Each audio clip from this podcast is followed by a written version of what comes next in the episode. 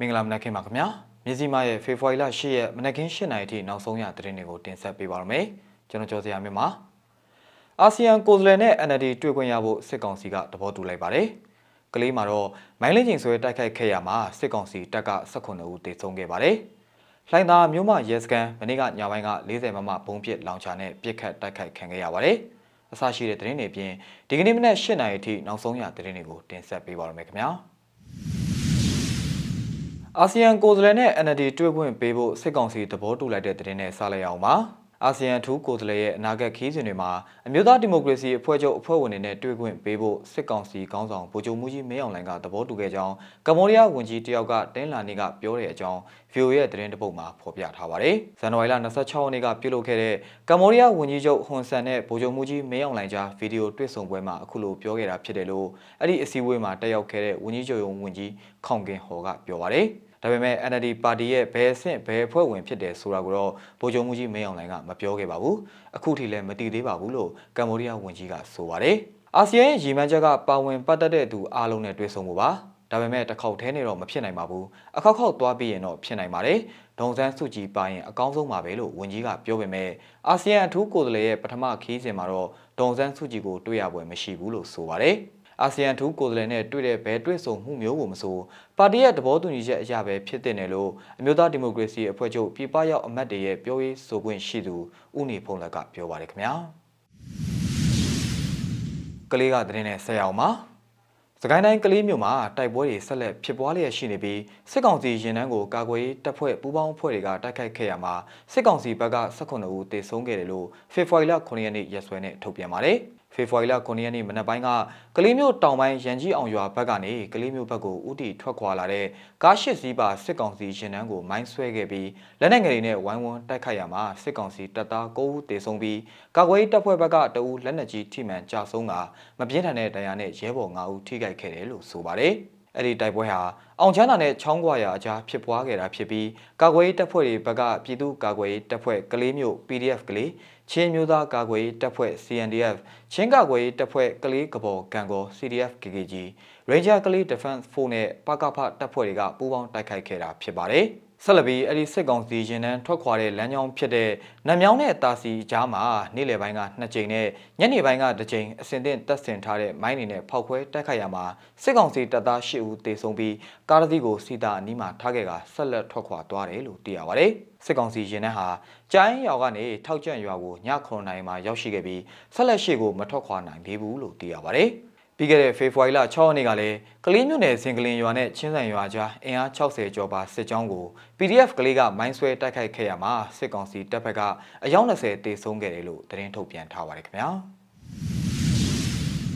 လှိုင်သာမြို့မှာရဲစခန်းမနေ့ကညနေပိုင်းကဘုံပစ်လောင်ချာနဲ့ပစ်ခတ်ခံလိုက်ရပါတယ်။ ရန်ကုန်တိုင်းဒေသကြီးလှိုင်သာမြို့နယ်မှာရှိတဲ့ပျောက်ကြားတပ်ဖွဲ့တစ်ခုကပသိမ်လမ်းမကြီးပေါ်မှာရှိတဲ့လှိုင်သာယာမြို့မှာရဲစခန်းကိုဖေဖော်ဝါရီလ9ရက်ညနေ6:59မိနစ်က40မမဘုံပစ်လောင်ချာနဲ့ပြစ်ခတ်တိုက်ခိုက်ခဲ့တယ်လို့ထုတ်ပြန်ပါတယ်။ကျွန်တော်တို့40မမနဲ့လှမ်းပစ်လိုက်တာရဲစခန်းဝင်းနဲ့ကြပြီးပောက်သွားတာတော့တွေ့တယ်။အခြားအထီးကိုက်တော့မသိရသေးဘူးလို့အာနာရှင်တပ်ဦးတော်လှန်ရေးတပ်ဖွဲ့ DRF ရဲ့တော်လှန်ရေးရဲဘော်တို့ကဆိုပါတယ်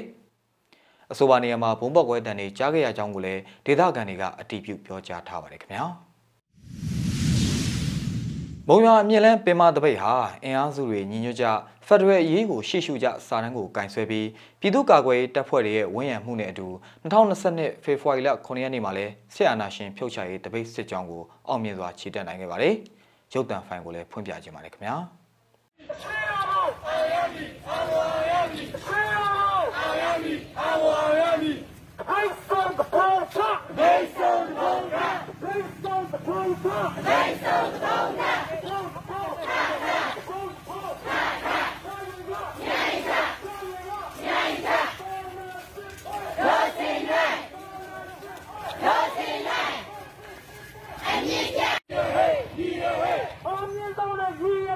Yeah.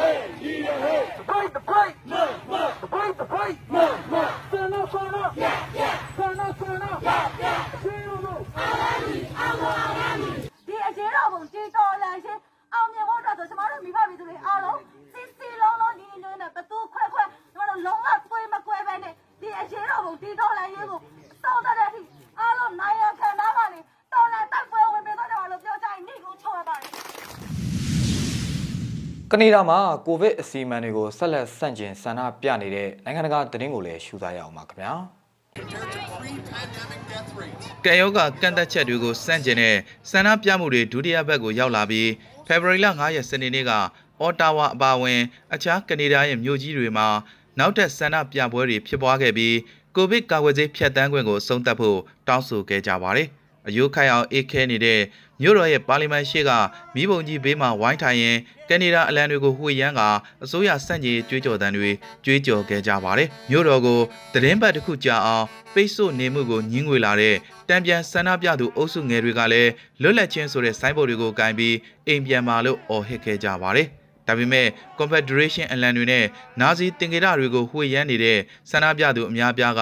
ဒေသခံတွေနဲ့ဆန့်ကျင်ပြီးအရင်ကထက်ကခုန်ခြင်းနဲ့မီရှူမီပန်းလွှတ်ခြင်းတွေကိုပုံမူပြုလုပ်ခဲ့ကြပါတယ်။ American Canada နယ်စပ်ကိုဖျက်ကျော်ဖို့အတွက်ကာကွယ်ဆေးဖြတ်တန်းခွင့်စစ်ဆေးမှုကြောင့်ဒေါသထွက်နေတဲ့ထရက်ကားသမားတွေကနေစတင်ခဲ့တဲ့ဆန္ဒပြပွဲတွေဟာကိုဗစ်ကပ်ရောဂါတားမြစ်ကန့်သက်ချက်တွေကိုဆန့်ကျင်တဲ့ကျယ်ပြန့်တဲ့ဆန္ဒပြပွဲတွေအဖြစ်အသွင်ပြောင်းသွားခဲ့ပါတယ်။မြို့လယ်မှာမော်တော်ကားတွေဝင်ရောက်မှုကိုကန့်သက်ဖို့အတွက်ရဲတပ်ဖွဲ့ကလူအင်အားများပြားနဲ့အတားအဆီးတွေချထားချိန်မှာမြင်းစည်းသူနှုတ်ဦးအပါအဝင်ဆန္ဒပြသူထောင်ပေါင်းများစွာဟာအော်တာဝါလမ်းမတွေပေါ်မှာထရက်ကားသမားတွေနဲ့ပူးပေါင်းခဲ့ပါတယ်။ ကနေဒါနိုင်ငံရဲ့အဓိကမြို့ကြီးတိုင်းလိုလိုမှာအလားတူဆန္ဒပြပွဲတွေဖြစ်ပွားနေပြီးတိုရွန်တိုမြို့မှာလူအုပ်အတွင်းကိုမီဂိုဘုံနဲ့ပြစ်ခဲ့တဲ့မျိုးသားတို့ကိုလက်ရောက်မှုနဲ့ဖမ်းဆီးထားပါတယ်။ဝီနီပတ်မှာလည်းဆန္ဒပြသူတွေတဲကိုကားနဲ့ဝင်တိုက်ခဲ့တဲ့ရင်မောင်းတို့ကိုဖမ်းဆီးထားပြီးဒဏ်ရာရသူ၄ဦးကိုစေကုသပေးနေကြောင်းရဲတပ်ဖွဲ့ကဆိုပါတယ်။တောင်ပိုင်းအယ်ဘာဒါပြည်နယ်မှာထရက်ကားသမားတွေက